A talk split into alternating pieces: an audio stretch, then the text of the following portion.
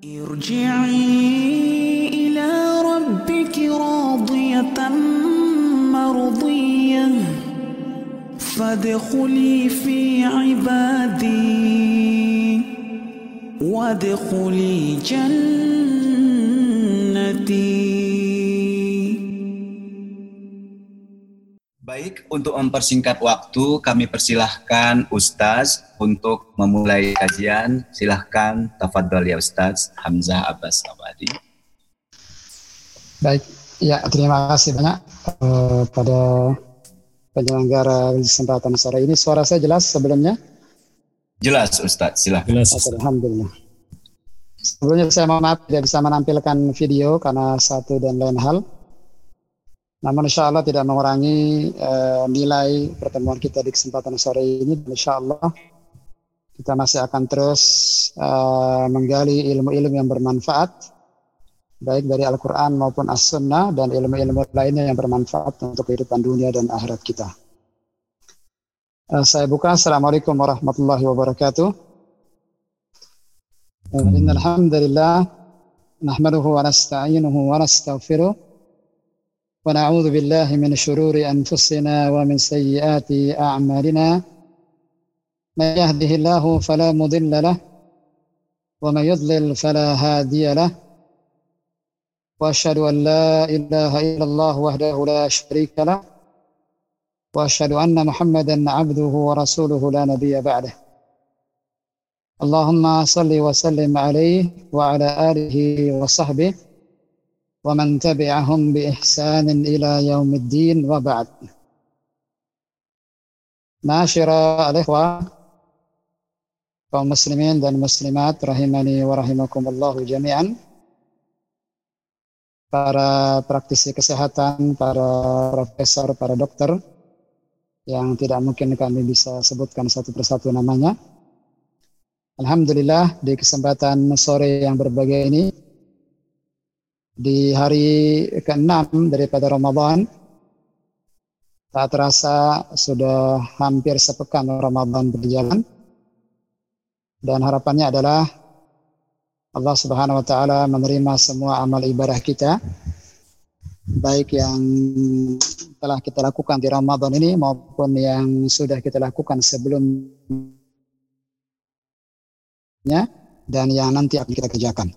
Kita berharap semua amalan kita diterima oleh Allah Subhanahu wa taala sebagai amalan soleh yang kelak menjadi pemberat timbangan amal kebaikan kita di hari kiamat nanti. Amin rabbal alamin. Salawat dan salam terus tercurah kepada junjungan kita, teladan kita, Nabi kita Nabi Muhammad sallallahu alaihi wasallam beserta eh, keluarga beliau, para sahabatnya dan seluruh pengikutnya yang senantiasa mengikuti sunnah beliau dengan baik hingga hari kiamat kelak. Ahibbati fillah, saudara-saudaraku seiman yang saya cintai karena Allah. Tema kita di kesempatan sore yang berbahagia ini cukup berbeda. Saya biasanya di Ramadan ini diminta untuk berbicara seputar ahkam siam, hukum-hukum puasa atau terkait dengan uh, hukum-hukum Ramadan dan yang lain sebagainya terkait dengan Ramadan. Ini hal yang unik bagi saya mengingat uh, audiensnya adalah para dokter. Ini uh, satu hal yang cukup menggelitik bagi saya. Uh, mudah-mudahan ini menunjukkan bahwa atau para praktisi kesehatan juga sangat membutuhkan bahasa Arab ini. Sudah mulai tumbuh ketertarikan kaum muslimin terhadap bahasa Arab. Saya perhatikan sudah kurang lebih 10 tahun belakang sudah mulai uh, banyak kaum muslimin memahami pentingnya mempelajari bahasa Arab ini dan mulai berjamur pembelajaran bahasa Arab baik secara offline maupun online dan khususnya online di masa pandemi ini ini menunjukkan bahwa uh, insya Allah bahwa kaum muslimin uh, semakin menyadari bahwa uh, kita butuh terhadap bahasa Arab. Saya katakan kita butuh terhadap bahasa karena uh, bahasa Arab ini sangat erat dengan kehidupan seorang muslim. Uh, lebih-lebih jika dia taat kepada Allah dan Rasulnya maka akan semakin melihat butuhnya dia terhadap bahasa Arab. Uh, dan saya katakan tidak berlebihan kalau saya mengatakan butuhnya kita terhadap bahasa Arab ini melebihi daripada butuhnya kita terhadap makan dan minum. Makan dan minum terkait dengan fisik jasad kita, adapun bahasa Arab ini terkait dengan rohani kita. Terkait dengan kesehatan jiwa kita. Karena bahasa Arab ini tadi sudah disentuh, sudah disinggung bahwa uh, yang pertama sekali yang menjadi sebab seorang Muslim butuh terhadap bahasa Arab karena yang pertama uh, dua wahyu yang Allah Subhanahu Wa Taala turunkan, Allah Subhanahu Wa Taala turunkan buat umat manusia baik wahyu Al-Quran maupun wahyu berupa hadis-hadis Nabi Shallallahu Alaihi Wasallam, kedua-duanya Allah turunkan dengan bahasa Arab. Ini hal yang tidak bisa dielakkan, hal yang diketahui setiap Muslim bahwa dua sumber hukum agama Islam, dua dua sumber panduan kita beragama, bahkan bagaimana kita mengarungi kehidupan dunia agar bahagia dunia dan akhirat yakni dengan mengikuti petunjuk Al-Qur'an dan petunjuk hadis Nabi hadis Nabi sallallahu alaihi wasallam. Dan keduanya Allah Subhanahu wa taala turunkan dengan bahasa Arab. Maka dari sisi yang pertama ini kita melihat bahwa butuhnya kaum muslimin terhadap bahasa Arab ini karena untuk memahami kedua uh, wahyu yang Allah Subhanahu wa taala turunkan kepada manusia. Uh, Al-Qur'an yang kita ketahui bahwa dia sebagai petunjuk bagi orang-orang bertakwa, dzalikal kitabu la raiba fi hudal lil muttaqin. Ini adalah Al-Qur'an, Alkitab yang tidak ada keraguan di dalamnya, yang benar-benar hak datang dari Allah Subhanahu wa taala hudal lil muttaqin sebagai petunjuk bagi orang yang bertakwa. Dan dan tidak mungkin kita bisa mengambil petunjuk dari Al-Qur'an kalau kita tidak memahaminya. Tidak mungkin kita bisa menjadikan Al-Qur'an sebagai petunjuk hidup kita kalau kita tidak memahaminya. Dan wasilah untuk memahaminya adalah dengan bahasa Arab. Dengan bahasa Arab. Maka bayangkan kalau tidak ada tidak ada orang yang ngerti bahasa Arab, tidak ada terjemahan uh, mushaf ke dalam berbagai bahasa. Dalam bahasa Indonesia misalnya, kalau tidak ada orang Indonesia yang yang paham bahasa Arab, maka bagaimana akan dipahami Al-Quran ini dengan bahasa Arab asli kalau tidak diterjemahkan ke dalam bahasa Indonesia. Nah, maka nikmat besar kalau seseorang bisa bahasa Arab. Yang pertama dia bisa langsung mengambil uh, secara langsung dari sumbernya dari sumbernya yang murni dari Al-Quran maupun dari hadis-hadis Nabi SAW tanpa terjemah. Tentu akan beda antara orang yang mengambil manfaat dari Al-Quran dan As-Sunnah melalui terjemahan dengan yang ada mengambil faedah dari Al-Quran dan Sunnah secara langsung tanpa penterjemah. Eh, ditambah lagi bahwa Al-Quran dan As-Sunnah ini bisa dipahami dengan berbagai macam versi. Ini yang eh, berbahaya pada zaman kita. Uh, maka muncullah sebagaimana yang kita lihat adanya tindakan-tindakan hulu, tindakan-tindakan berlebihan, tindakan-tindakan ekstrim yang mengatasnamakan agama. Karena di antaranya ini, salah memahami makna Al-Quran dan As-Sunnah. Dan kalau kita perhatikan, ternyata mereka tidak bisa bahasa Arab. Guru saya eh, yang dulu sempat diminta oleh Densus 88 untuk datang ke penjara di khusus terorisme. Eh, Syekh Ali Hasan Ali Abdul Hamid dari Yordania sempat kita tanya pengalamannya ketika berusaha untuk berdakwah kepada mereka-mereka ini yang mengatasnamakan agama untuk menumpahkan darah ternyata mereka tidak ngerti bahasa bahkan mohon maaf ini ini sangat terkait soalnya maka saya buka atau yang ditangkap di Rawalumbu sini. Saya tinggal di Rawalumbu, saya bicara dengan teman-teman di Rawalumbu siapa yang ditangkap dan sesudah pandangan ternyata hatta baca Al-Quran saja tidak lancar. Saya dapat kabar di tetangganya dia baca Al-Quran saja tidak lancar. Yani artinya dia bagaimana dia akan menjadikan Al-Quran sebagai petunjuk yang benar kalau dia sendiri tidak bisa membacanya, lebih-lebih memahaminya. Maka dari dari dari dari ketidakpahaman terhadap bahasa Arab ini, Imam Asy-Syafi'i sejak uh, beliau masih hidup, beliau sudah mengisyaratkan. Ma jahilan nas wa ikhtalafu illa li jahlihim lisan al-Arab wa mailihim ila lisani Aristoteles. Imam Syafi'i mengatakan dalam kitabnya Ar-Risalah, kitab Ar-Risalah karya besar yang kata para ulama adalah buku pertama dalam usul fiqh dalam sejarah. Buku pertama di dunia yang bicara tentang usul fiqh adalah buku Al-Imam Asy-Syafi'i yang berjudul Ar-Risalah. Beliau mengatakan di kitabnya itu bahwa tidaklah manusia itu bodoh terhadap agama dan tidaklah mereka saling berbeda pendapat kecuali karena bodohnya mereka terhadap bahasa Arab dan condongnya mereka kepada bahasa Aristoteles, yani seorang ilmuwan uh, pada zaman itu yang tentu bukan muslim.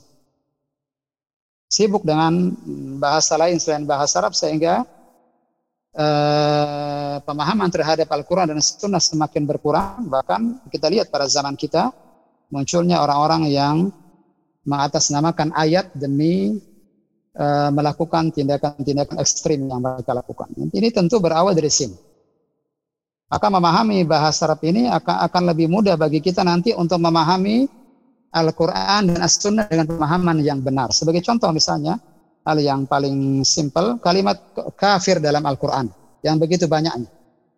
Kalimat kufurun atau kafir dalam bahasa Arab dan disebutkan dalam Al-Quran dan hadis-hadis Nabi SAW dalam banyak ayat. Dan tentu kalimat kafir ini bahasa Arab.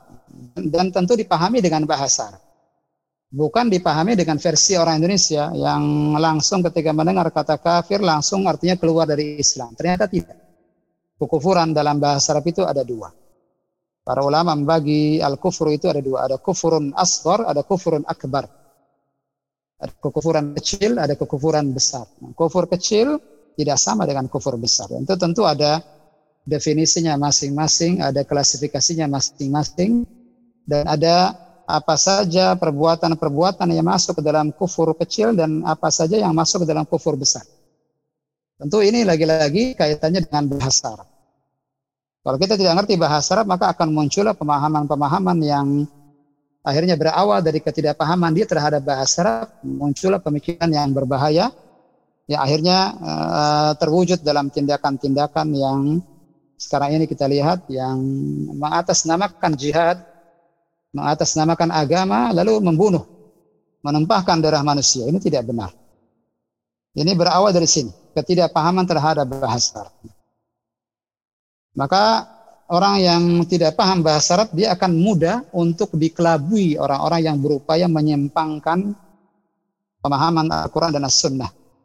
Orang orang ngerti bahasa Arab dia, dia tidak akan mudah dikelabui. Ini ini isyarat dari Al-Imam Asy-Syafi'i rahimahullah.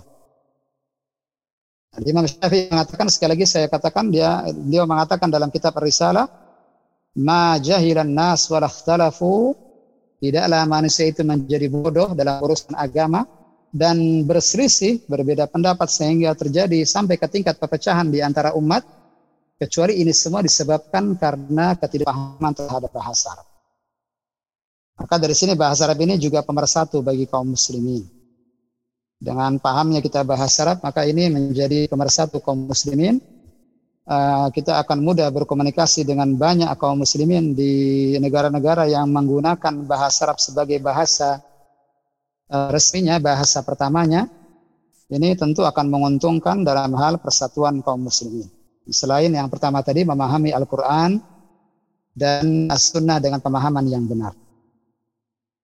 Dan itulah Syekhul Islam Ibnu Taimiyah juga pernah mengatakan, wa ma'lumun anna lughatal arabiyyah min ad-din. Dan satu hal yang sudah diketahui bahwa bahasa Arab ini adalah bagian dari agama.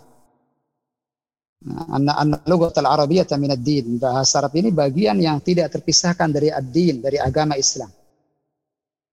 Wa ma'rifatuha fardun wajib. Beliau dan memahaminya memahaminya dalam kadar tertentu masuk ke dalam kategori fardu ain, dalam kategori tertentu.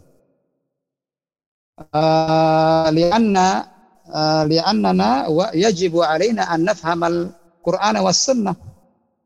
Karena kata beliau karena kita wajib untuk memahami Al-Qur'an dan As-Sunnah. Dan Al-Quran dan As-Sunnah tidak mungkin bisa dipahami kecuali dengan memahami bahasa Arab ini sebagai salah satu wasilah memahami Al-Quran dan As-Sunnah.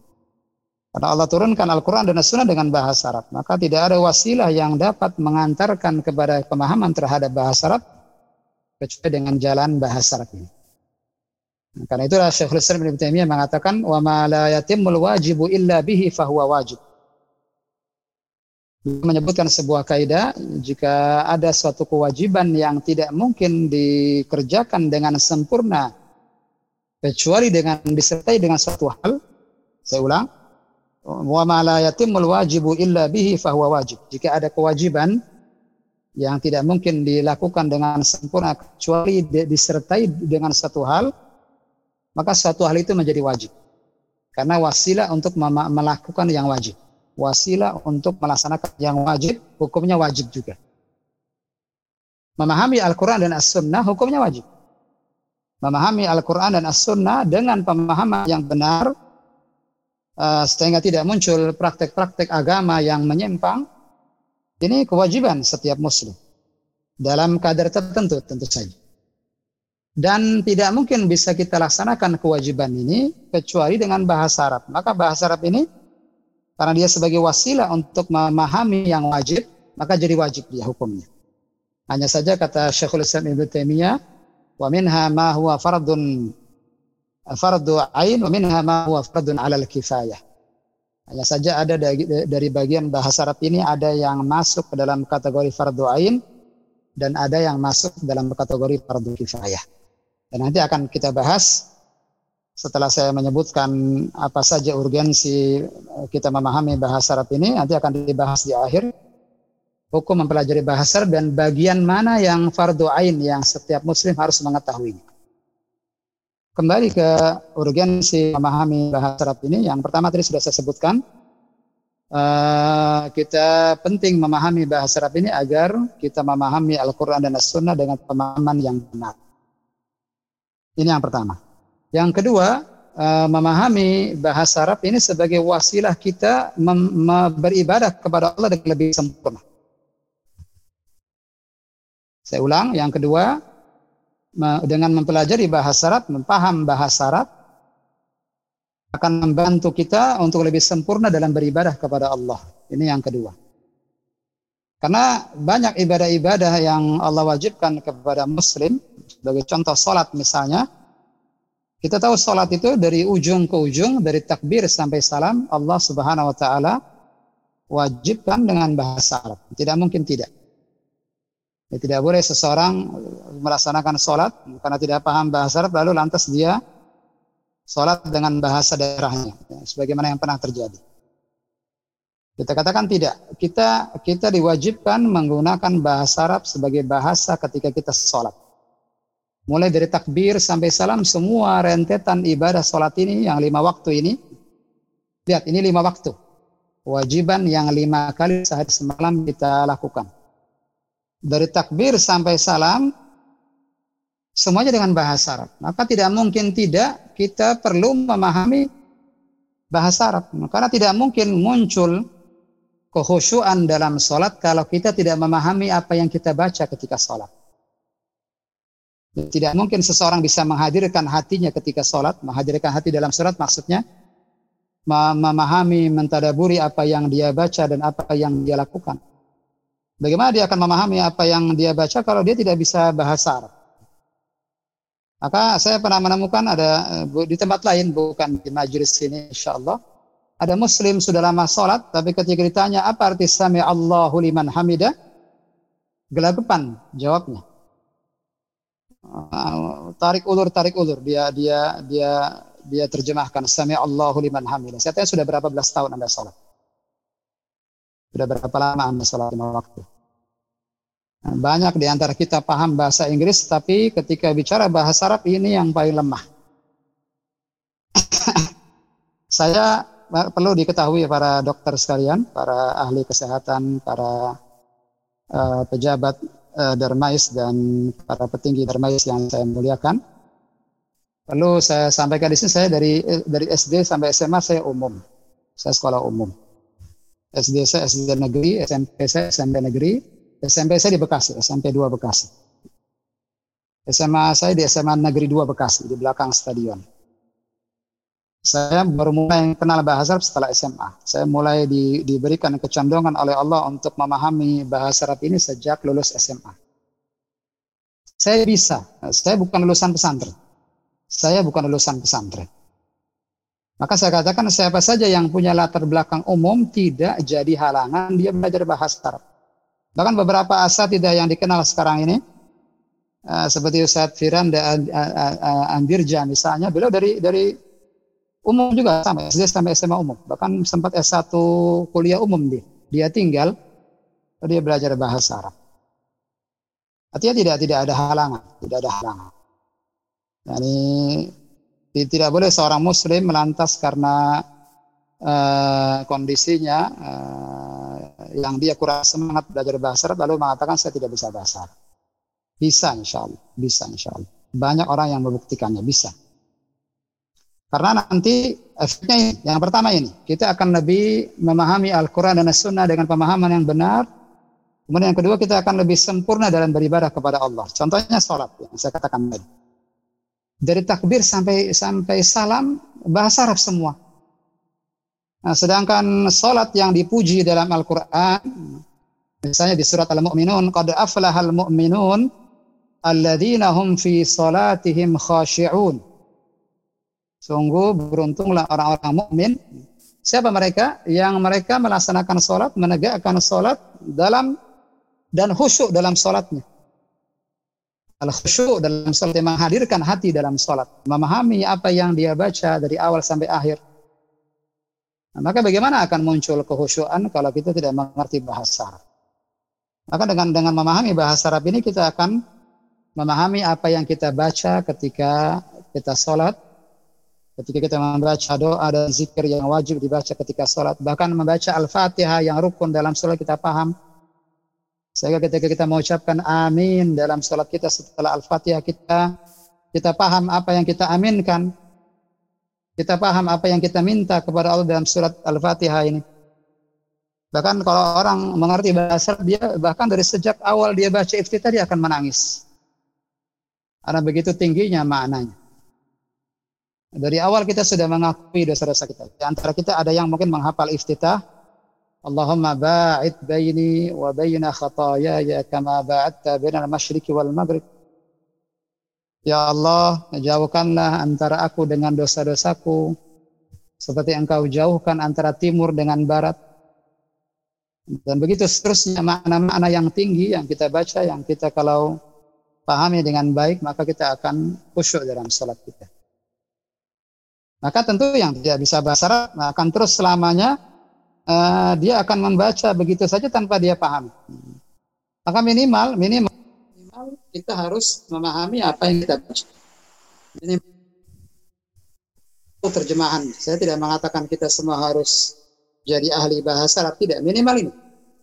Minimal dalam hal yang fardu ain terkait dengan ibadah sehari-hari salat lima waktu misalnya maka kita penting memahami bahasa Arab agar lebih khusyuk dalam sholat kita. Ini yang yang kedua. Dan dan dan yang kedua ini saja sudah lima kali sehari semalam kita menggunakan makan dan minum paling dua tiga kali bahkan ada yang cukup sekali saja. Maka saya katakan tadi tidak berlebihan kalau saya katakan belajar bahasa Arab itu pentingnya memahami bahasa Arab ini lebih penting daripada makan dan minum. Masyara al-ikhwa, saudara-saudara seiman yang saya cintai karena Allah. Yang ketiga, yang juga tidak kalah pentingnya dalam uh, mengapa kita mesti mempelajari bahasa Arab. Bahasa Arab ini Alhamdulillah menjadi bahasa dunia. Alhamdulillah banyak ratusan negara menggunakan bahasa Arab sebagai bahasa uh, resmi dan banyak negara-negara itu butuh tenaga-tenaga kesehatan seperti bapak-bapak dan ibu-ibu sekarang yang hadir pada hari ini. Kalau bapak-bapak, ibu-ibu para praktisi kesehatan ini bisa bahasa Arab, dia dia bisa memberikan manfaatnya di dunia di dunia Timur Tengah. Di Dubai, di Saudi Arabia, di Kuwait, di Qatar, di negara-negara yang alhamdulillah membutuhkan tenaga-tenaga kesehatan muslim yang bisa bahasa. Tidak terhitung banyak negara yang menggunakan bahasa Arab sebagai bahasa uh, resmi. Bahkan beberapa negara Afrika, bahkan hampir seluruh negara Afrika menggunakan bahasa Arab sebagai salah satu bahasa resmi. Ya, kita semua tahu bahwa, bahwa lima bahasa yang diakui PBB salah satunya adalah bahasa. Ini luar biasa. Di, digunakan di PBB bahasa. Maka ini ini sebuah sebuah bukti bahwa bahasa Arab ini bukan hanya terkait agama saja kita butuhkan juga terkait dengan uh, hubungan internasional. Hubungan internasional dengan dunia-dunia Islam. Bahkan dengan dunia-dunia secara umum. Nah, terutama yang di bawah naungan PBB semuanya mengakui salah satu dari lima bahasa yang sehingga saya ada lima nanti mohon koreksi saya. Uh, lima bahasa yang diakui PBB salah satunya bahasa ini luar biasa. Luar biasa. Maka kita, maka kita paham bahasa Arab ini sebuah sebuah keistimewaan uh, yang paham bahasa Inggris alhamdulillah banyak yang paham bahasa Inggris banyak alhamdulillah yang paham bahasa Arab dan bisa menggunakannya dalam kehidupan sehari-harinya uh, sebagai seorang muslim ini yang sedikit. Maka sekali lagi kalau kalau kalau alasan agama uh, kurang begitu menarik bagi kita misalnya, kurang begitu menarik bagi kita menjadi menjadi pendorong kita untuk memahami bahasa Arab ini kurang menarik dari sisi agama, baik kalau begitu ketahuilah bahwa bahasa Arab ini bahasa diakui dunia internasional. Dan dan dan pernah ada duta besar Saudi pernah bicara dengan saya. Bahwa itu dosen kami uh, salah satu dosen kami di Libya pernah menjadi duta besar Arab Saudi. Dan sempat bicara bahwa banyak komunikasi-komunikasi yang salah paham hmm, karena tidak pahamnya kita bahasa kurang maksimalnya kerjasama kerjasama kita dengan negara-negara Timur Tengah yang rata-rata negara-negara kaya ini uh, yang patut kita banggakan, negara-negara kaya, uh, lemahnya komunikasi dengan bahasa, lemahnya komunikasi dengan bahasa. Dan ditambah lagi permasalahan kita adalah banyak yang masih menilai bahwa belajar bahasa Arab itu sulit. Ini ini juga hal yang ingin saya sampaikan di kesempatan sore yang berbahagia ini tapi sebelumnya mohon maaf saya sampai jam berapa ini? Saya agak lupa agar saya bisa batas. 17.30 Ustaz Hamzah. 17.30. 17.30. Jam berapa? 17.30. 17.30. 17.30. Uh, 17.30 dengan tanya jawab. Ya, berikutnya setelah, setelah ini bergabung dengan tanya jawab. Baik. Saya lanjutkan. Kemudian yang juga tidak kalah pentingnya bahwa yang perlu dirubah dari paradigma paradigma sebagian orang bahwa menganggap bahasa Arab bahasa yang paling sulit dipelajari. Justru saya katakan dibandingkan dengan bahasa Inggris, bahasa Arab jauh lebih mudah. Kita tahu bahwa bahasa Inggris itu ejaan dengan dengan ejaan dengan bacaan beda. Hmm, kalau dalam bahasa Arab tidak ada demikian. Maka dalam bahasa Inggris itu ada ada perlombaan mengeja. Karena memang ejaan dengan bacaan beda. Sedangkan dalam bahasa Arab tidak ada kesulitan dalam mengeja. Begitu kita mengeja, begitu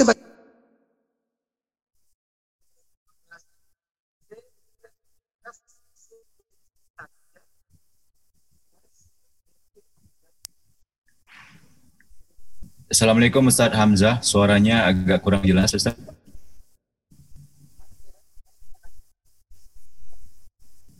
Ustaz Hamzah. Tidak akan berubah huruf sin itu. Begitu bunyinya. Hanya saja mungkin perbedaan dalam masalah penekanan atau tebal tipisnya saja. Tapi hakikat huruf sin tidak berubah. Begitulah hakikat bunyi huruf ro tidak berubah. Maka tidak tidak tidak ada tidak ada kesulitan insya Allah dalam memahami uh, bahasa Arab dalam bacaan. Kemudian yang juga bahasa Arab sebenarnya lebih mudah karena khusus gunakan ini uh, ratusan, ratusan, 200 atau 300 bahkan bisa jadi lebih ratusan Indonesia hasil serapan dari bahasa Arab. Jadi ini menunjukkan berarti bahasa dengan bahasa kita. Karena ratusan kosakata bahasa Indonesia diserap dari bahasa Arab. Ini kan dekat bahasa itu dengan bahasa kita. Kemudian yang yang ketiga yang juga menunjukkan eh, bagi kita, khususnya bagi kaum muslimin Indonesia, uh, bukankah bahas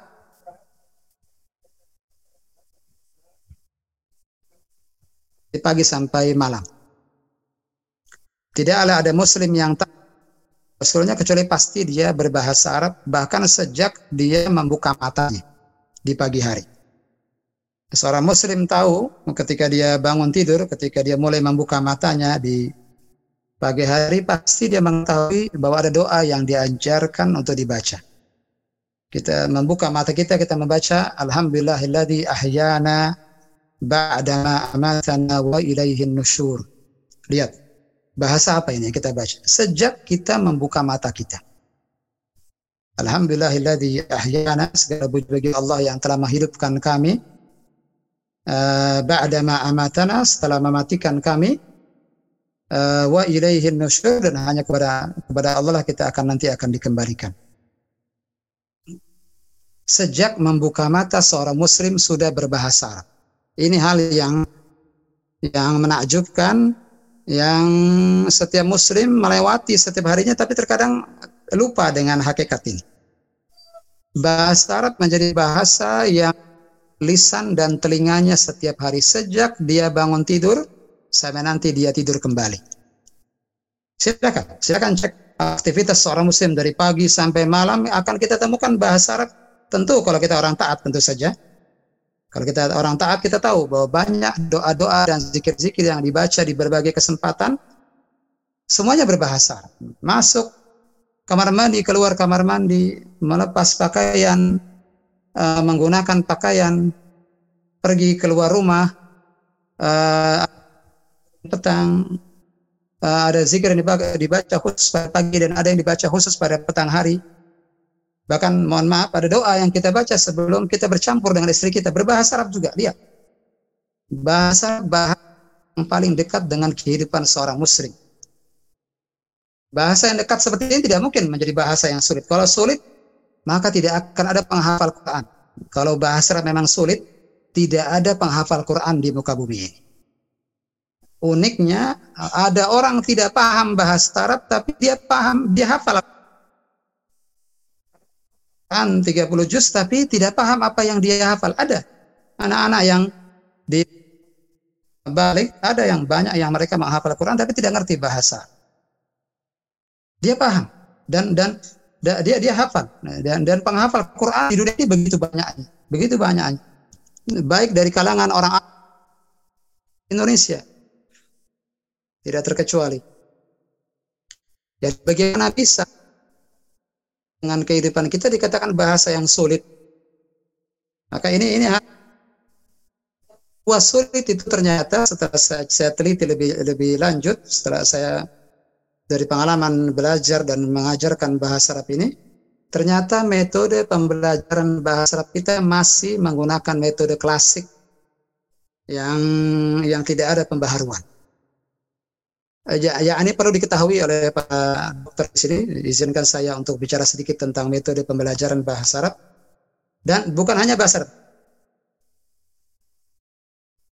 yang berbeda yang yang ditujukan untuk masing-masing orang yang berbeda-beda.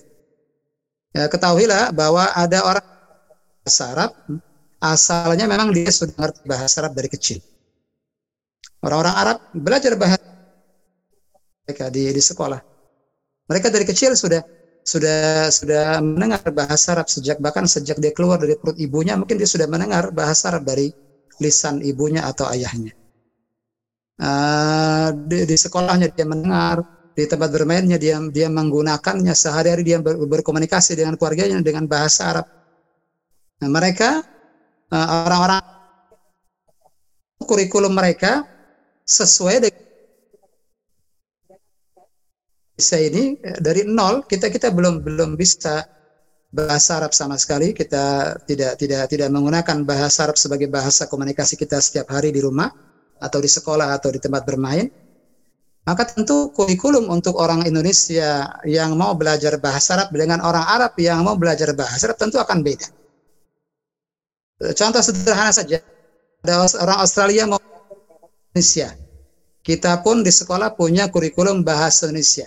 Pertanyaannya, apakah kurikulum kita orang Indonesia Indonesia akan sama dengan kurikulum orang Australia yang mau belajar bahasa Indonesia?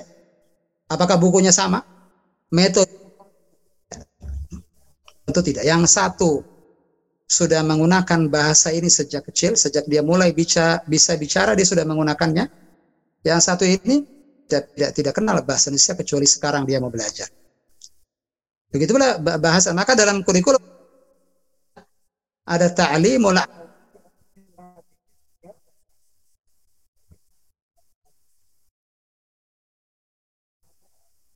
uh, pembelajaran Afan Ustadz, suaranya terputus-putus.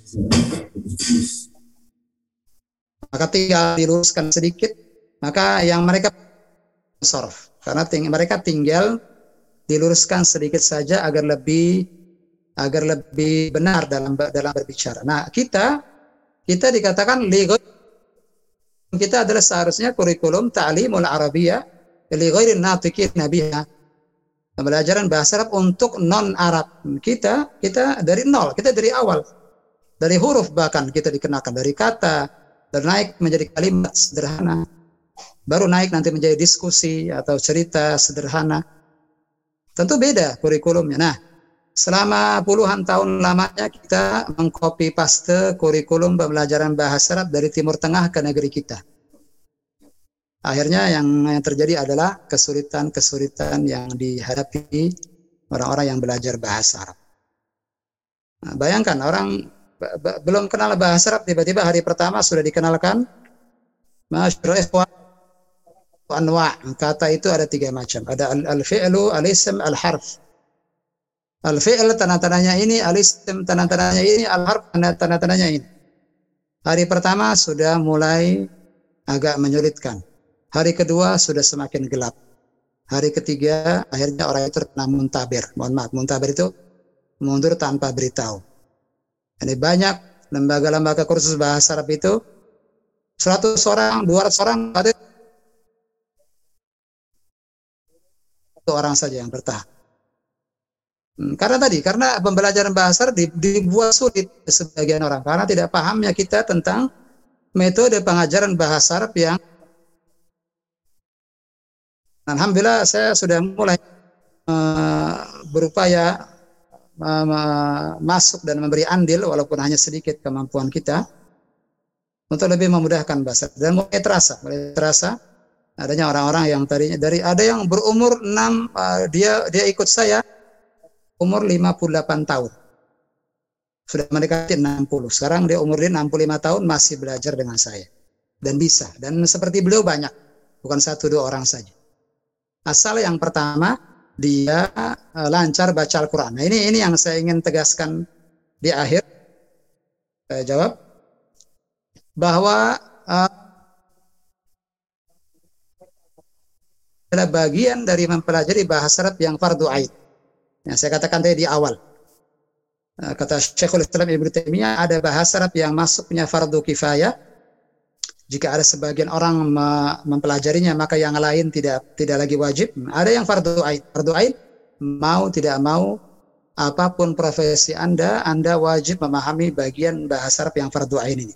Di antaranya ini harus bisa membaca Al-Quran. Tidak boleh ada Muslim di zaman sekarang masih buta huruf Al-Quran atau tidak lancar baca Al-Quran. Ini tidak boleh fardu ain.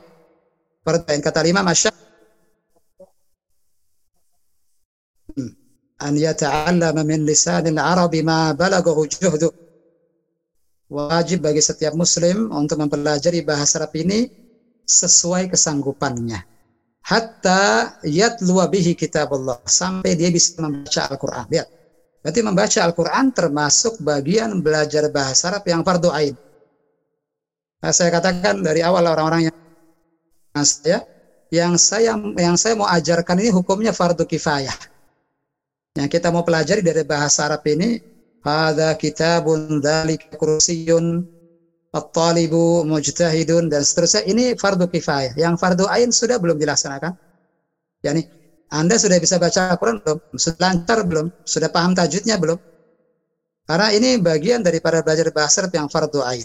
Baru saya itu melangkah ke fardu kifayah. Akan boleh ada sekali lagi ada muslim yang zaman sekarang masih buta huruf Al-Quran. Eh, bisa bahasa Inggris, bisa bisa berbagai bahasa, tapi ketika baca Al-Quran uh, banyak salah. Ini ini ini ketimpangan, ini ketimpangan. Dia dia sibuk dengan urusan dunia yang nanti tidak akan ditanya oleh lupa dengan hal yang nanti pasti akan ditanya di kuburnya. Maka ma'asyur rahimani wa rahimakumullah. Inilah sekilas tentang uh, pentingnya mempelajari bahasa Arab dan tengah-tengah bahwa bahasa Arab ini mudah. Saya sudah buktikan tadi dari beberapa sisi bahwa bahasa Arab itu sebenarnya dekat dengan kita khususnya orang Indonesia. Uh, bahkan lebih lebih mudah daripada bahasa Inggris. Kemudian juga saya tekankan tadi di awal di akhir bahwa uh, yang itu sulit bukan bahasa Arab ya, tapi metode pengajaran yang selama ini salah. Nah, mudah-mudahan Allah Subhanahu Wa Taala berikan hidayah kepada kita semua untuk uh, memberikan waktu untuk bahasa Arab ini. Saya yakin para bahasa Inggris karena bisa jadi kurikulumnya dengan bahasa Inggris. Saya yakin demikian. Bahasa Inggris menjadi makanan sehari-harinya. Nah, mudah-mudahan punya punya waktu cukup untuk bisa juga mempelajari bahasa Arab ini. Demikian. Wa sallallahu ala nabiyina Muhammadin. Saya kembalikan ke pembawa acara. Baik, jazak Jazakumullah khairan Ustaz atas pemaparan materinya yang bermanfaat ini. Uh, kita lanjut ke pertanyaan. Tapi sebelum lanjut ke pertanyaan Ustaz, saya saya, saya sangat uh, sangat tertarik sekali dengan dengan yeah. apa yang Ustaz sampaikan barusan. Tapi ada satu yang belum saya bisa pahami Ustaz. Mungkin Ustaz yeah. bisa tadi terskip gitu ya uh, masalah istilah kafir dalam bahasa Arab. Itu tadi kan ada disebutkan bahwa kafir asgor dan kafir akbar. Sementara kalau misalkan kita lihat di uh, masyarakat kita saat ini, apabila mendengar kafir itu udah seperti murtad dari keluar Islam. Ustaz bisa lebih Uh, jelas Betul. menjelaskan masalah kafir asgor dan kafir akbar tadi Ustaz. Iya. Uh, benar sebagaimana tadi saya katakan bahwa ada beberapa istilah-istilah dari dalam Al-Quran yang tentu berbahasa Arab. Ada yang mesti dipahami, karena ini bahasa Arab, maka dipahami dengan bahasa Arab. Ya.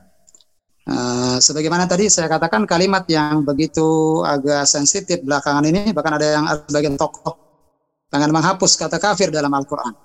Ini permasalahannya bukan bukan dihapus kata kafirnya, yang dihapus adalah pemahaman yang salah terhadap kata kafir ini. Kalimat kafir atau al-kufur itu artinya yang tertutup. Uh, kafartu misalnya ada orang Arab bilang kafartu yadi, saya menutupi tangan saya. Al-kufur itu artinya tertutup dari segi bahasa. Yani, orang kafir itu uh, tertutupi uh, matanya, tertutupi hatinya sehingga tidak bisa melihat hidayah. Tapi orang kafir di sini dalam bahasa Arab ini dia punya dua macam. Sama seperti kalimat munafik. Sama seperti kalimat fasik. Ini nanti ke arah sana semua nanti. Kafir, fasik, munafik ini istilah-istilah yang kalau tidak dipahami dengan benar maka akan terjadi tindakan-tindakan yang tidak benar. Uh, sebagaimana syirik juga demikian. Syirik, syirik tahu ada syirik kecil, ada syirik besar. Begitu kalimat kafir, ada kafir kecil, ada kafir besar. Ada kufurun asgor, ada kufurun akbar.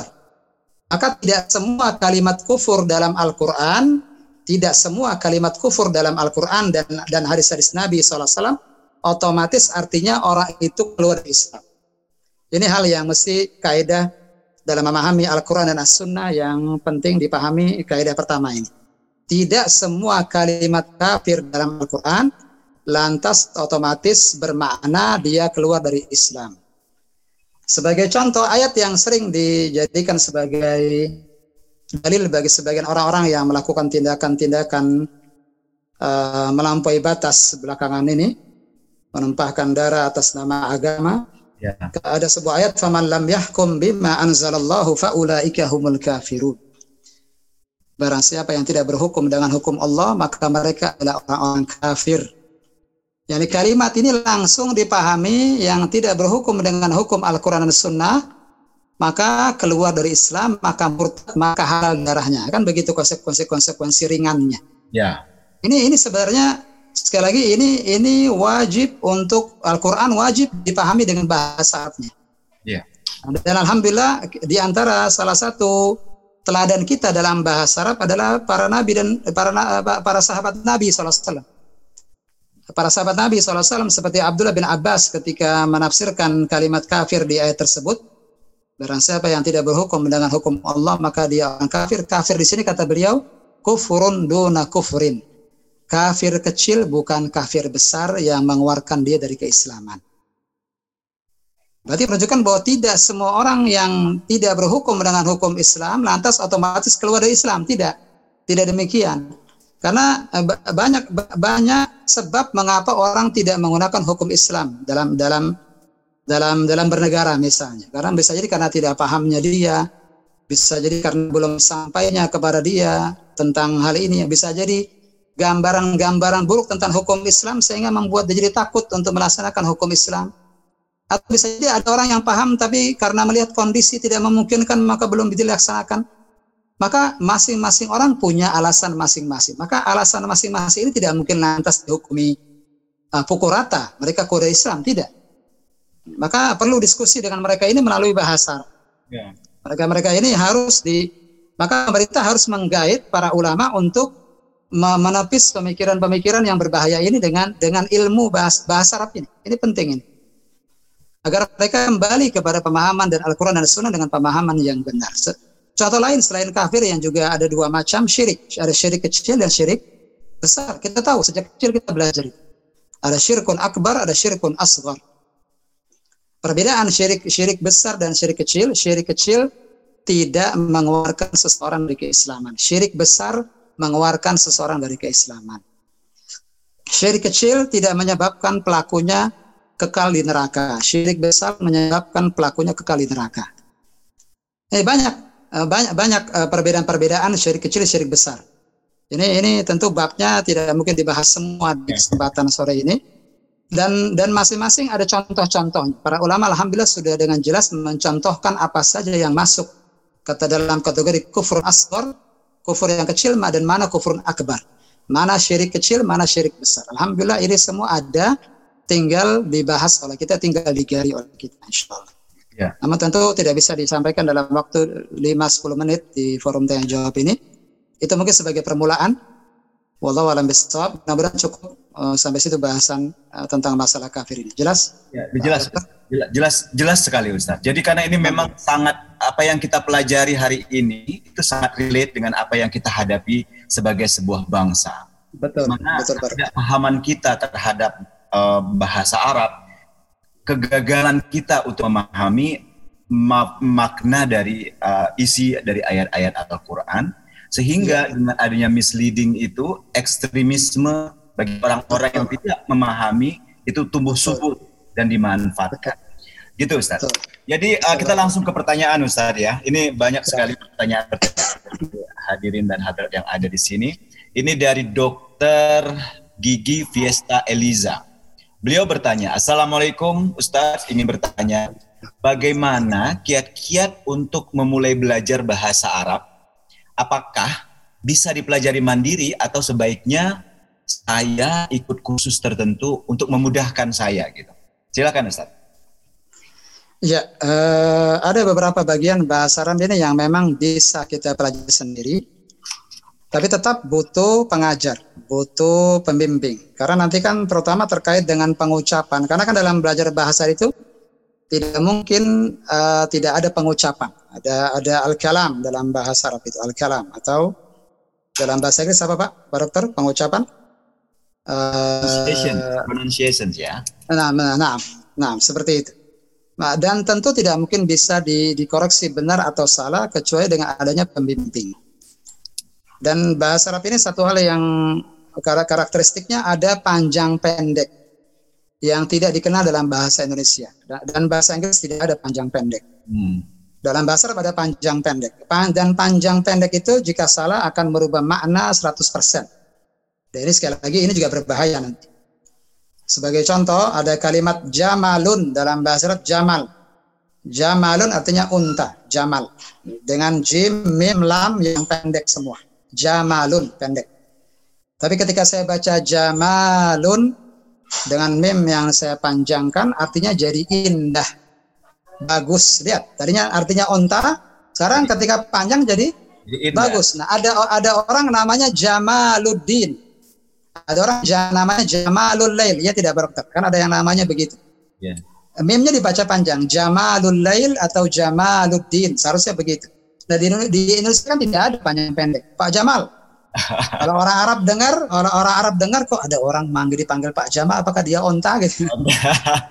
nah, makanya ada ini tentu tidak mungkin bisa diketahui salah benarnya kecuali jika ada pembimbing. Ya. Pembimbing. Dan alhamdulillah sekarang online online begitu mudahnya. Saya kira para dokter ini sibuk luar biasa menghibahkan waktunya untuk kesehatan saya mengusulkan jangan uh, jangan offline. Offline ini memang uh, butuh ajak uh, pertemuan tiap hari, hari, hari tertentu harus datang. Online alhamdulillah sekarang ini luar biasa. Yeah. Sebagai contoh, silakan lihat Hamzah Abbas official. Saya me menjadikan channel itu khusus untuk bahasa Arab, belajar bahasa Arab. Untuk pemula dari awal. Nanti silakan dicek, mudah-mudahan bisa bermanfaat buat para dokter yang begitu sibuknya. Dari situ belajar. Hamzah Abbas official itu di YouTube ya? Hamzah Abbas official, iya. Ya. Jadi ya uh, begitu ya Dokter Fiesta. Jadi saya ya online juga bisa dikerjakan tetapi harus dengan pembimbing. Karena dalam iya. bahasa ya. itu ada berubah ada panjang pendek itu akan mengalami perubahan makna ya Ustaz ya. Kemudian uh, ini kemudian ada dari Ikhwan Arif Ruwo Handoyo dari Rumah Sakit PON. Beliau bertanya Ustadz, untuk kami yang hijrahnya sudah relatif berumur, metode apa yang terbaik untuk belajar bahasa Arab ini?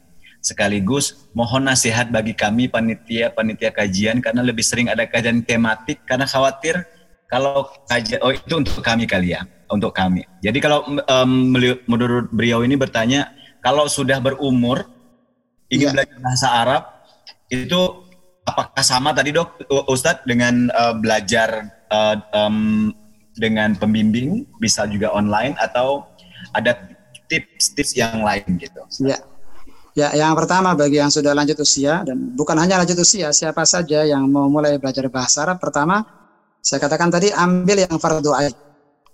Berarti mulai dari membaca Al-Quran dengan lancar. Jika itu sudah dikerjakan, kemudian pahami doa-doa dan zikir-zikir yang kita baca ketika sholat. Itu yang kedua. Hmm, karena ini terkait masalah waktu, tidak semua orang punya waktu cukup. Kita tidak tahu umur kita. Bukan yeah. berarti lantas yang di bawah di bawah kita lantas nanti lama matinya tidak. Kita bisa jadi besok bisa jadi lebih lama daripada yang muda. Tapi tentu seorang muslim ketika melihat umur ini tidak tidak lama, dia akan memilih pilihan yang lebih penting, lebih urgent dipilih sekarang. Maka yang dipilih yang urgent sekarang yang fardu ain, yang yang bagian dari bahasa Arab yang setiap muslim harus mempelajari, mau tidak mau. Ya. Maka yang pertama, kalau kita belum lancar baca Al-Quran, lancarkan baca Al-Quran. Sambil membaca terjemahnya. Sambil membaca terjemahnya. Dan saya lihat ada metode yang dari Masjid Istiqlal, metode perlafaz, perlafaz memahami Al-Quran perlafaz, perkata. Nah, itu boleh itu, itu bagus itu. Itu bagus itu. Perkata. Jadi misalnya dalikal kita bola raiba fi dalika artinya ini atau itu Alkitab artinya buku Al-Quran. La tidak raiba keraguan. Ini bagus ini. Ini bagus. Ini boleh dipilih juga agar kita bisa memahami apa yang kita baca. Minimal kita memahami apa yang kita baca ketika sholat dari surat-surat pendek. Ya. Ketika kita hafal surat Al-Kafirun, maka pahami Al-Kafirun.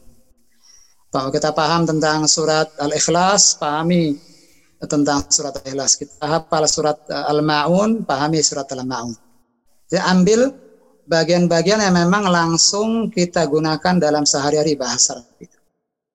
Mulai dari Al-Quran, kemudian pahami bacaan-bacaan zikir dan doa ketika sholat. Kemudian yang ketiga, pahami apa yang kita baca dalam doa dan zikir-zikir yang ada di setiap waktu dalam kehidupan seorang muslim. Bangun tidur, mau tidur, masuk dan keluar rumah, masuk dan keluar kamar mandi, menggunakan pakaian, dan zikir-zikir yang biasa kita gunakan sehari-hari. Pahami itu. Maka insya Allah nanti ketika kita bertemu Allah kita sudah sudah punya jawaban saya sudah berusaha. Saya sudah berusaha sesuai dengan sanggupan saya. Nah, wallah Mungkin begitu Pak Dokter. Uh, mungkin ini lanjutan dari uh, pertanyaan Ikhwan Ari Purwo Handoyo tadi Ustadz, mungkin di luar yeah. topik hari ini ya. Beliau bertanya ini, kalau misalkan pada orang yang memang hijrahnya sudah tua juga, mana bentuk kajian yang dipilih? Apakah memahami kitab, urutan yang ada dalam kitab, atau kita menghadiri kajian-kajian online yang sifatnya tematik? Um, pahami akidah terlebih dahulu. Pahami akidah. Pahami akidah terlebih dahulu. Ini ini penting. Ya. Karena pahami kalimat la ilaha illallah yang merupakan rukun Islam yang pertama. Itu prioritas ya Ustaz ya? Nah, itu prioritas betul. Akidah ini bagian yang sangat penting. Karena akidah yang benar ini nanti akan menjadi eh, penyebab kita dijauhkan dari kesyirikan. Dan syirik dosa besar yang paling besar. Nah, kalau kita paham akidah yang benar, kita akan terhindarkan dari syirik Nah, harapannya kita meninggal dalam kondisi mentauhidkan Allah dan tidak melakukan kesyirikan sedikit pun. Karena jaminannya adalah Inna Allah la yaghfiru ayyushraka bihi wa yaghfiru ma duna dzalika liman yasha. Sesungguhnya Allah Subhanahu wa taala tidak akan mengampuni dosa syirik tapi mengampuni dosa-dosa yang lainnya bagi siapa saja yang Allah kehendaki. Maka ini, ini, mana kita paham tauhid, kita paham mana syirik, sehingga kita paham bagaimana mentauhidkan Allah, bagaimana akidah yang benar, bagaimana kita menjauh kesyirikan. Ini yang pertama. Maka kalau kalau tematik terkadang kalau tematik terkadang uh, temanya berpindah-pindah. Ya, kalau tematik itu ke, keistimewaannya kita akan luas wawasannya. Hmm. Tapi kalau terkait membangun keilmuan agama yang benar, maka memulai dari dari metode pembelajaran pembelajaran agama yang benar, mulai dari memahami akidah. Sebagai contoh, pahami rukun Islam dan rukun iman. Minimal itu. Minimal seorang muslim paham rukun Islam dan rukun iman. Rukun Islam syahadat, salat, puasa, zakat, haji. Pahami rukun iman, bagaimana iman kepada Allah, iman kepada malaikat-malaikatnya, kitab-kitabnya, para rasulnya, iman kepada hari kiamat, iman kepada takdir yang baik maupun yang buruk. Pahami rukun Islam dan rukun iman, minimal itu. Nah, itu tentu tentu di, dipelajari dengan dengan mempelajari agama dari dari dasarnya, dari dari akidah. Maka mulai dari hal-hal yang merupakan fardu ain bagi setiap muslim di antaranya akidah. Kalau akhlak alhamdulillah banyak orang yang paham tentang pentingnya jujur, banyak orang yang paham tentang buruknya uh, dusta, tapi ketika bicara tauhid, bicara syirik, terkadang orang tidak paham konsep tauhid sebenarnya. Bahkan dia menyangka dia sudah bertauhid, tapi ternyata belum bertauhid. Maka ini penting dipelajari bagi setiap muslim. Maka yang sudah usia sudah baru mulai paham, baru dapat hidayah setelah usia lanjut, mulai dari situ. Dan tidak tidak terlarang untuk menghadiri yang tematik tidak terlarang, tidak terlarang. Silahkan namun tentu kalau ingin membangun keilmuan tentu dari dari uh, pertama akidah hmm. terlebih dahulu. Dan dan ketika bicara akidah, rukun iman tadi pahamnya enam rukun iman. Iman kepada Allah, iman kepada malaikat-malaikat dan seterusnya. Lalu terkait dengan ibadah, pahami rukun Islam, syahadat, salat, puasa, zakat, haji. Kemudian ketika kita ternyata kita mulai masuk ke dunia bisnis, maka bagaimana bagaimana bisnis yang syar'i wajib fardu ain bagi kita untuk kita pelajari. Dan begitu seterusnya. Nah, wallahu a'lam bishawab. Begitu Pak Dokter. Ya, karena kita lebih mudah kalau kita belajar sesuatu itu dengan cara lebih terkonsep ya Ustaz ya. Kalau misalkan Betul, kita terkonsep. matematik Betul. itu uh, materinya lari-lari, jadi tidak tidak urut gitu, tidak iya, runut. Iya, betul. Betul. Iya, Dokter. Kemudian eh, sesuai dengan pengalaman Ustadz nih eh, dalam mengajar kelompok masyarakat atau kelompok siswa yang belajar bahasa Arab, berapa bulan kira-kira mereka sampai eh, mampu? Kita tidak mengatakan sampai natif ya, Ustadz ya, sampai memahami lah, sampai memahami dan bisa berbicara gitu eh, dengan bahasa Arab. Kira-kira ada parameter waktu nggak Ustadz yang bisa Ustadz sampaikan? Betul, betul. Betul. Rata-rata ketika bicara uh, mungkin dalam sebuah bahasa ahli dalam sebuah bahasa apa pun itu biasanya butuh setahun sampai dua tahun. Setahun itu sudah paling cepat jika jika memang yang dikejar empat kemampuan bahasa al-kalam berbicara kemudian sebelumnya uh, ada ada alistima mendengar yang kita kita kenal dengan listening mendengar kemudian berbicara al-kalam kemudian yang ketiga membaca. Yang keempat menulis. Kalau kalau yang dikejar empat kemampuan bahasa ini kita ingin kita ingin bisa bicara juga kita ingin bisa menulis juga. Kita ketika mendengar ceramah berbahasa Arab kita paham. Ketika kita membaca Al-Quran paham maka minimal setahun dengan kurikulum yang terpadu yang terkonsep Ya. Uh, dan dan itu tentu dengan dengan durasi minimal satu satu pekannya dua kali. Minimal sekali itu. Sudah sangat minimal itu. Satu kali dalam satu eh, satu pekan dua kali. Kalau satu pekan sekali maka bisa jadi dua tahun atau molor bisa jadi tiga tahun. Ya. bahasa apa saja begitu. Hampir sama dengan bahasa apa saja. Saya saya baca beberapa eh, komunitas orang-orang yang yang bisa banyak bahasa, bisa banyak bahasa. Saya Ya. dengarkan dari mereka itu ternyata kalau kalau mereka mau belajar bahasa baru setiap dua tahun mereka belajar bahasa baru. Dua tahun selesai baca bahasa berikutnya pelajari. Berarti bahasa Arab pun begitu sepertinya. Dan dan saya juga temukan di di eh, universitas universitas Islam yang menggunakan bahasa Arab sebagai bahasa pengantarnya dan dosen-dosennya tentu dari dari dari dari orang-orang berbangsa Arab itu kita di, diberi diberi dua tahun untuk belajar bahasa pengantar dulu baru masuk ke fakultas syariah atau fakultas S1-nya. Ya. Nah, saya saya mengalami itu. Saya sampai tujuh tahun saya ikut di LIPIA. Tiga tahun saya belajar bahasa pengantar, empat tahun saya sudah masuk fakultas S1-nya. Hmm. Memang prosesnya lama, tapi lama eh, insya Allah akan lebih mungkin, akan lebih ahli daripada yang eh, kursus singkat 50 pertemuan. Saya tidak kenal sistem itu. Saya Oh. tidak tahu bagaimana bisa be- segitu pertemuan lantas bisa semuanya. Tidak, saya tidak tahu itu. Nah. Karena tingkatan dalam bahasa Arab ini sendiri kita bicaranya bukan hanya bisa berbicara ya Ustadz. Kalau misalkan Iya. kita untuk um, bi- bisa memahami makna yang ada dalam Al-Quran, kita juga harus bicara, harus belajar balaghahnya seperti apa. Ah, betul sekali. Betul Kita sekali. bisa bisa lebih tahu ini, ini tujuan ayat ini turunkan untuk apa gitu kan. Jadi Betul, memang uh, syair-syairnya itu memang perlu juga. Jadi butuh waktu ya Ustadz ya. Betul. Kemudian orang-orang yang bergerak dalam dunia aga, dunia agama jadi dai, jadi ustad, memang mutlak mau tidak mau dia harus menguasai bahasa Arab. ya Jika ada ada ada dai ustad yang tidak ngerti bahasa Arab, nanti akan akan terlihat kekurangan yang begitu jauh. Iya, iya. Akan akan beda antara orang yang memahami Al-Quran Sunnah melalui terjemahan dengan orang yang memahami Al-Quran Sunnah karena dia paham bahasa Arab. Akan beda nanti keilmuannya dan segala macamnya. Nah, Iya. wallahu a'lam bishawab.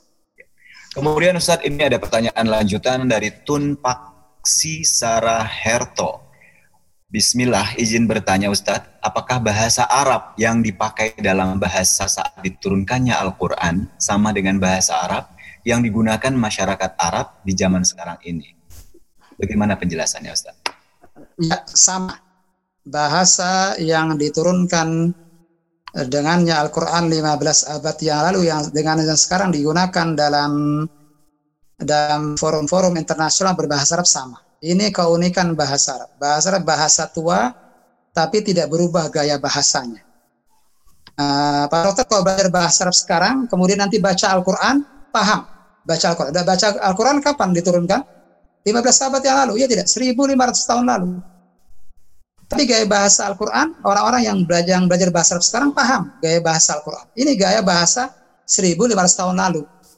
Beda dengan bahasa Inggris, ya tidak apa-apa. 1500 tahun lalu sama tidak bahasa Inggris yang sekarang yang sekarang dengan yang 1500 tahun lalu? Bahkan saya tahu orang Inggris belajar Shakespeare karena Shakespeare itu kan tinggi. Dia tidak semua orang Inggris paham Shakespeare. Tapi orang bisa bahasa Arab pada zaman sekarang dengan metode yang tepat saya katakan tadi setahun dua tahun ketika baca Al-Quran dia akan bisa memahaminya. Itu gaya bahasa 1500 tahun lalu. Sama. Ini luar biasa. Allah telah jaga Al-Quran, otomatis Allah jaga bahasa yang Allah jadikan sebagai bahasa Al-Quran. Maka ini bahasa yang akan terus kekinian, tidak akan pernah lekang dengan waktu. Belajar bahasa Arab itu tidak akan ada namanya ketinggalan zaman. Karena tidak akan pernah ada zaman di mana bahasa Arab itu hilang, berganti dengan gaya bahasa. Tidak. Ya. Ini buktinya. Gaya bah maka saya belajar bahasa Arab sekarang ini, saya baca hadis-hadis Nabi, pembicaraan Nabi dengan para sahabat, kita paham maknanya. Dan itu gaya bahasa 1500 tahun lalu. Ini uniknya. Maka sama, sama, tidak ada perbedaan antara 1500 tahun lalu dengan yang sekarang. Ya, jadi saya setuju sekali Ustadz itu.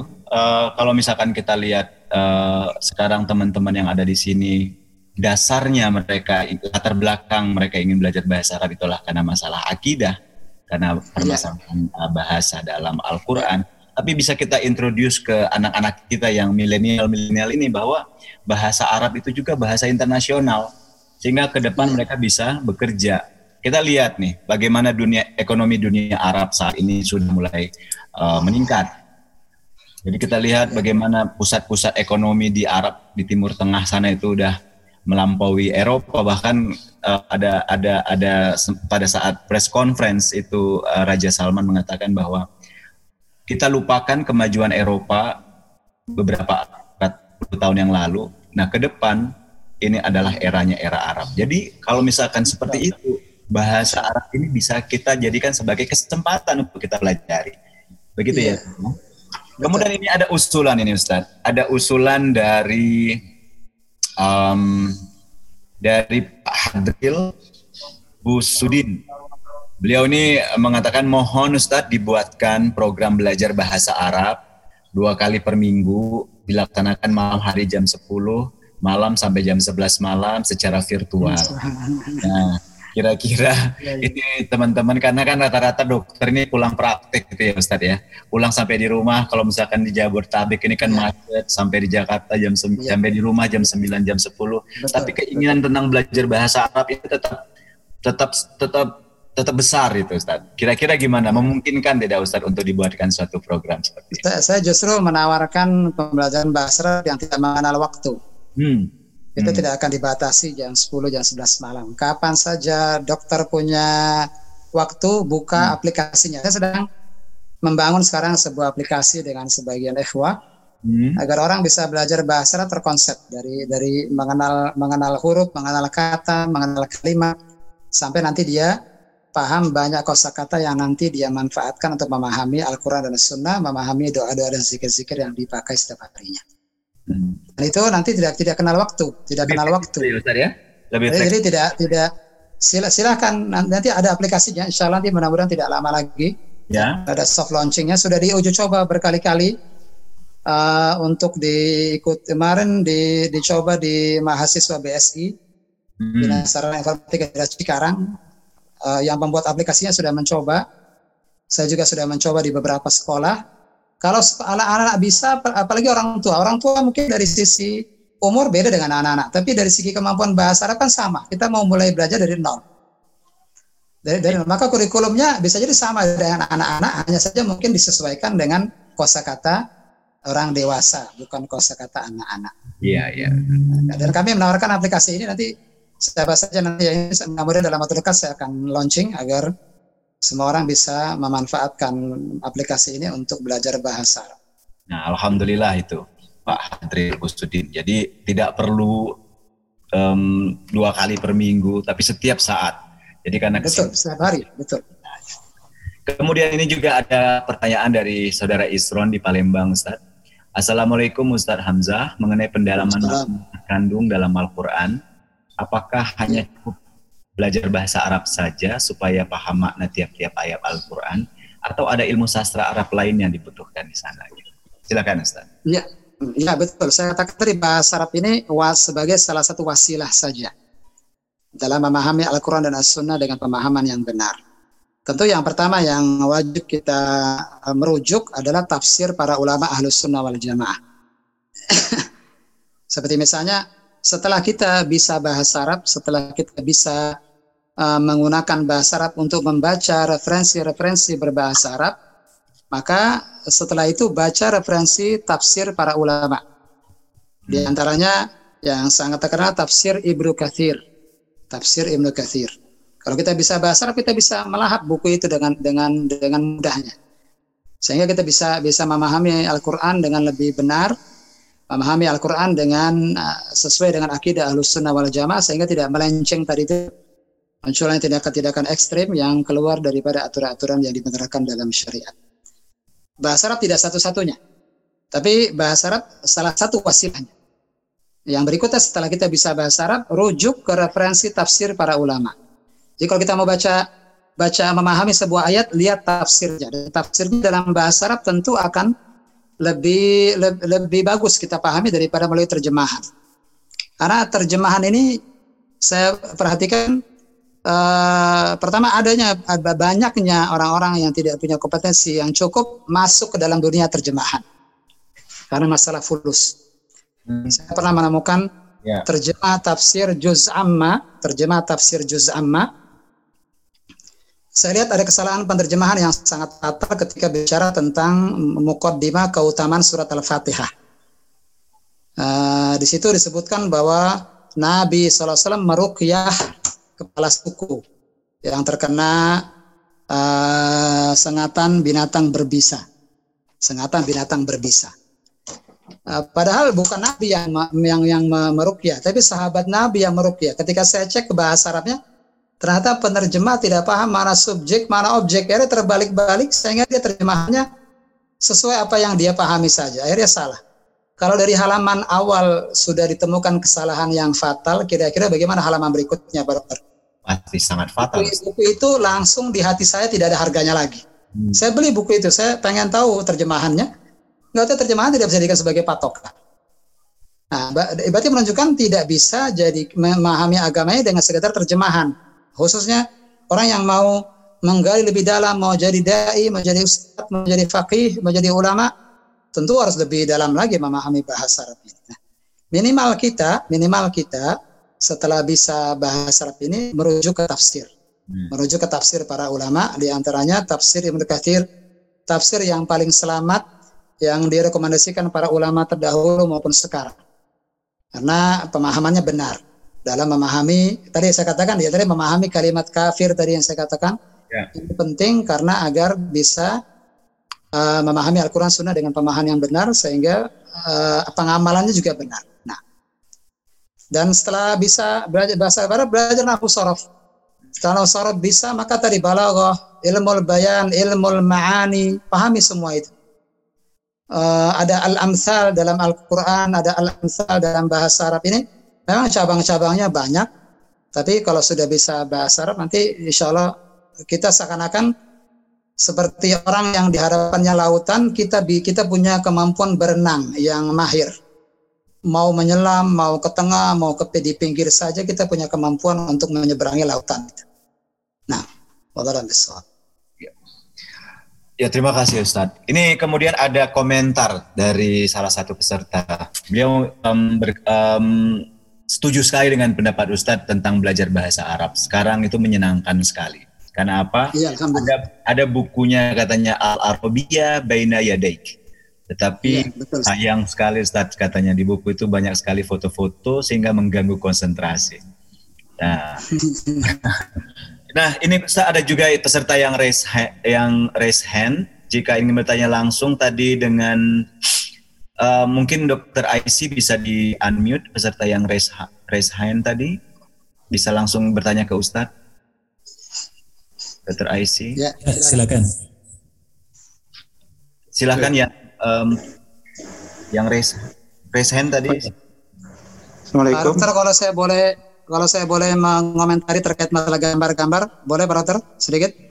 Ya, silakan Ustaz, silakan. Nah, memang dalam pembelajaran bahasa itu memang terkadang penggunaan gambar menjadi sebuah hal yang niscaya. Nah, Hmm. Seperti orang mau diajarkan fil, filun akan lebih afdol diperlihatkan gambarnya daripada terjemahannya. Ya.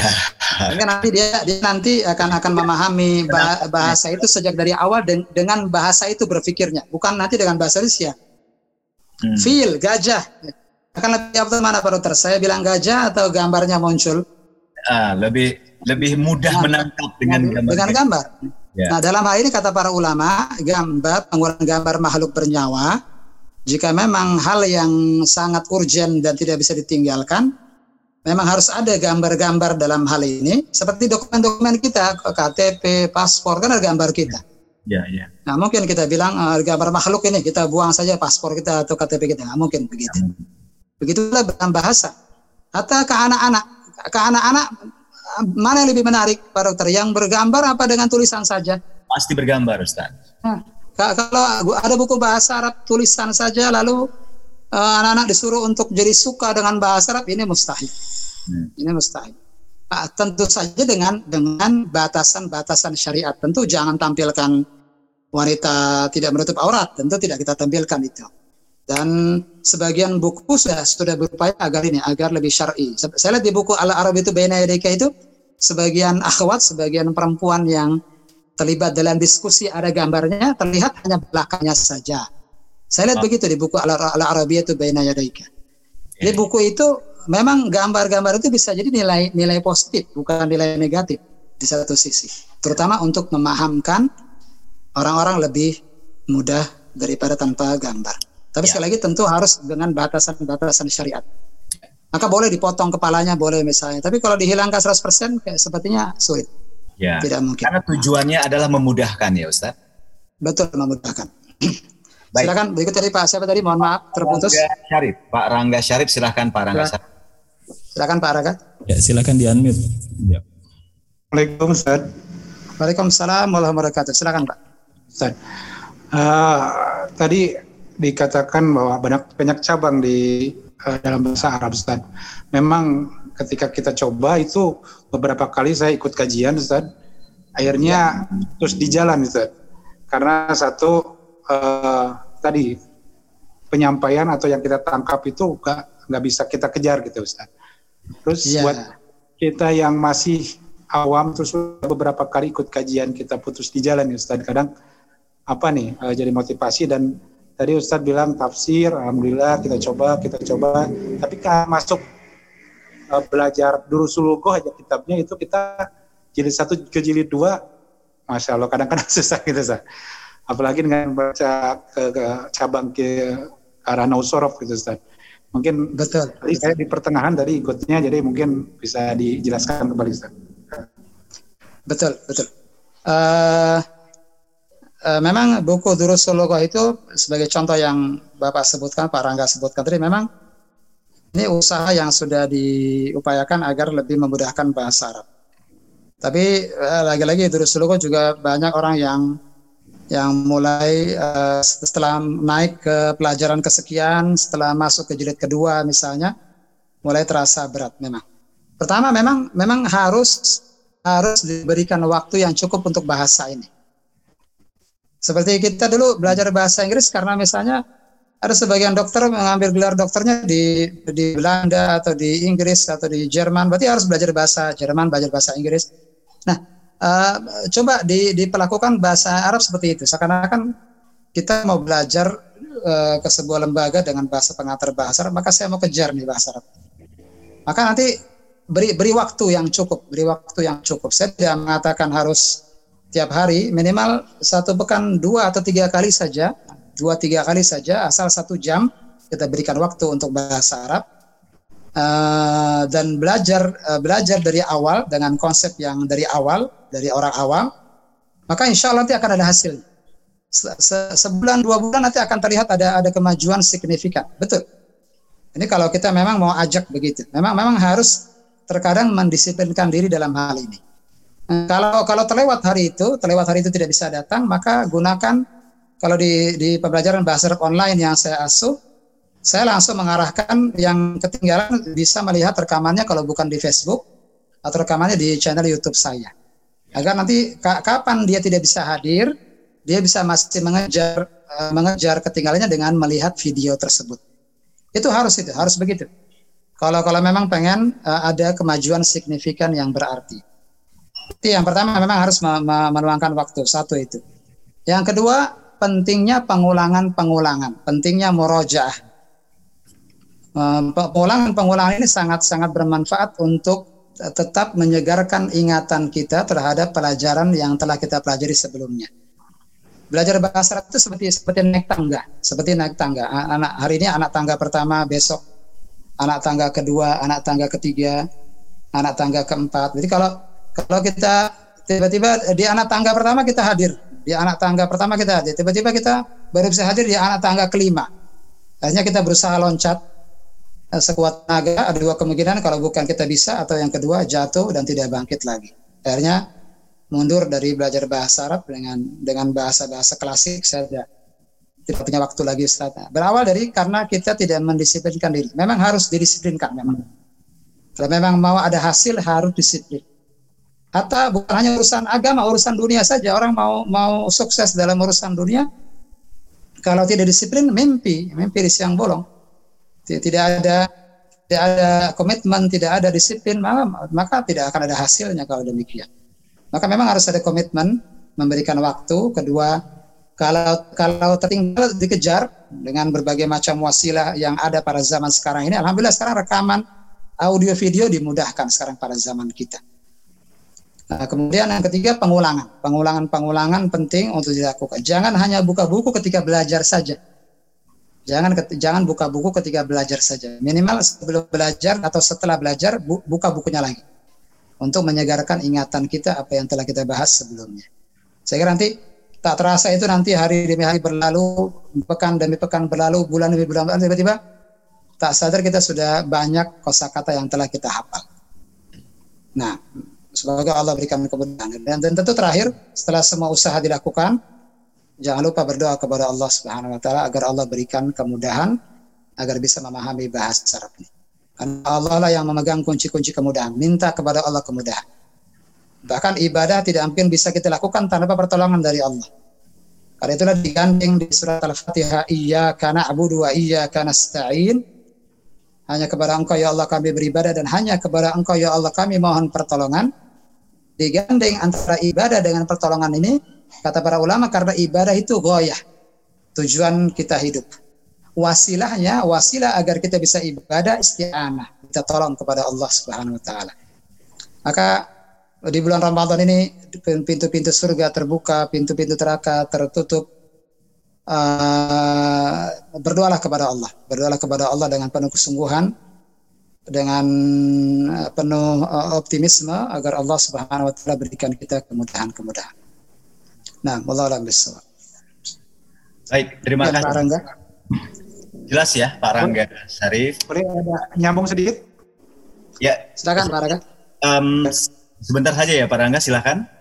Yang tadi Ustaz, uh, kalau kita memulai dari mana ya, ini ada beberapa kajian yang akan diadakan Ustaz. Di antara Sorob dan Durusulugo yang buat yang awam itu lebih mudah yang mana diawalinya Ustaz? Saya uh, rekomendasikan Durusulugo. Sekarang Ustaz. Saya rekomendasikan Durusulugo Jangan nahu dan sorof. Nahu sorof nanti. Untuk pemula, kita bicara pemula apa ya? Kita yeah. bicara pemula, saya berharap dari durus sulukoh. Jangan dari nahu sorof. Ya, nahu sorof nanti Bapak-bapak akan dikenalkan dengan istilah-istilah yang tidak terpakai dalam kehidupan sehari-hari. Uh, makna al-kalima, an aksamul kalima, anwaul jumlah, eh, tiba-tiba uh, nanti ada ustadz tertentu yang terkadang tiba-tiba melebar. Di pertama-pertama sudah sudah melebar ke uh, pelajaran kesekian belas. Ada yang ada yang demikian sehingga uh, guru murid-muridnya melongo, melongo. Tiba-tiba ustadznya nodong, fahim tum, paham. Ada kita karena sungkan kita, bilang fahim, nah paham, paham. Padahal di belakang kita sikut-sikutan di belakang. Nah, ini ini yang sering terjadi. Hmm, pahami bahasa Arab dari hal yang sederhana. Nah, Durus Sulukoh ini yang saya perhatikan cukup cukup menjadi rekomendasi saya. Saya sudah mengajar buku ini sejak tahun 2000, 2007. Saya mengajar buku ini dari tahun 2007. Sudah banyak orang-orang yang mendapatkan hasil dari belajar buku Sulukoh. Durus Sulukoh Madinah, Pak ya. Nah, hmm, insya Allah itu yang saya rekomendasikan. Untuk Nahu Sorob, bukan saya mengatakan tidak penting. Ah, penting, tapi nanti ada saatnya di mana nanti ketika kita sudah siap, silahkan masuk ke nahu sorof. Nah, demikian. Wallahu a'lam Ya, terima kasih Ustadz. Jadi uh, sangat baik sekali pemaparan hari ini. Sebelum ini pertanyaan-pertanyaan sudah selesai, sudah habis, Ustaz Hamzah Abbas, dan kita sebentar lagi uh, menjelang waktu berbuka. Tapi sebelum kita tutup, Ustadz, uh, saya ingin memberikan satu catatan-catatan yang berhasil saya iya. kumpulkan dari hasil penjelasan Ustaz tadi bahwa urgensi kita belajar bahasa Arab ini adalah pertama karena bahasa Arab itu dapat merupakan bahasa dalam Al-Quran dan hadis sehingga kita harus memahaminya. Kemudian ya. Yang kedua memudahkan kita dalam menjalankan ibadah, menyempurnakan ibadah kita agar lebih khusyuk. Kemudian bahasa Arab juga yang ketiga sebagai bahasa dunia meningkatkan hubungan internasional diplomasi Islam akan semakin lebih kuat. Yang keempat kenapa kita harus belajar bahasa Arab adalah bahasa Arab itu mudah untuk dipelajari. Begitu ya Ustaz ya? Betul sekali Pak. Masya ya, mudah-mudahan mudah-mudahan dengan dengan dengan empat uh, urgensi ini tadi kita semua bisa sama-sama memulai belajar bahasa Arab baik muda maupun tua. Tipsnya nanti bagaimana tipsnya? Mungkin eh, teman-teman uh, di sini bisa mengunjungi YouTube Ustadz Hamzah Abbas Official. Di sana beliau ini banyak membahas tentang metode dan mungkin sesaat lagi kita akan lebih mudah belajar bahasa Arab, metode yang di-develop oleh Ustadz Hamzah ini agar yang kita kita yang sibuk ini lebih mudah untuk bisa menjangkau ya. uh, pelajaran Arab tadi.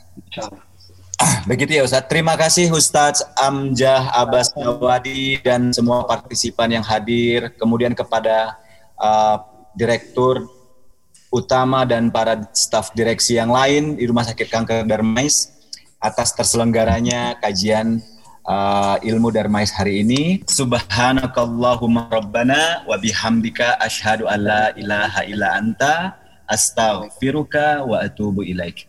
Assalamualaikum warahmatullahi wabarakatuh. Irji'i ila rabbiki radiyatan mardiyah fadkhuli fi ibadi wadkhuli jannati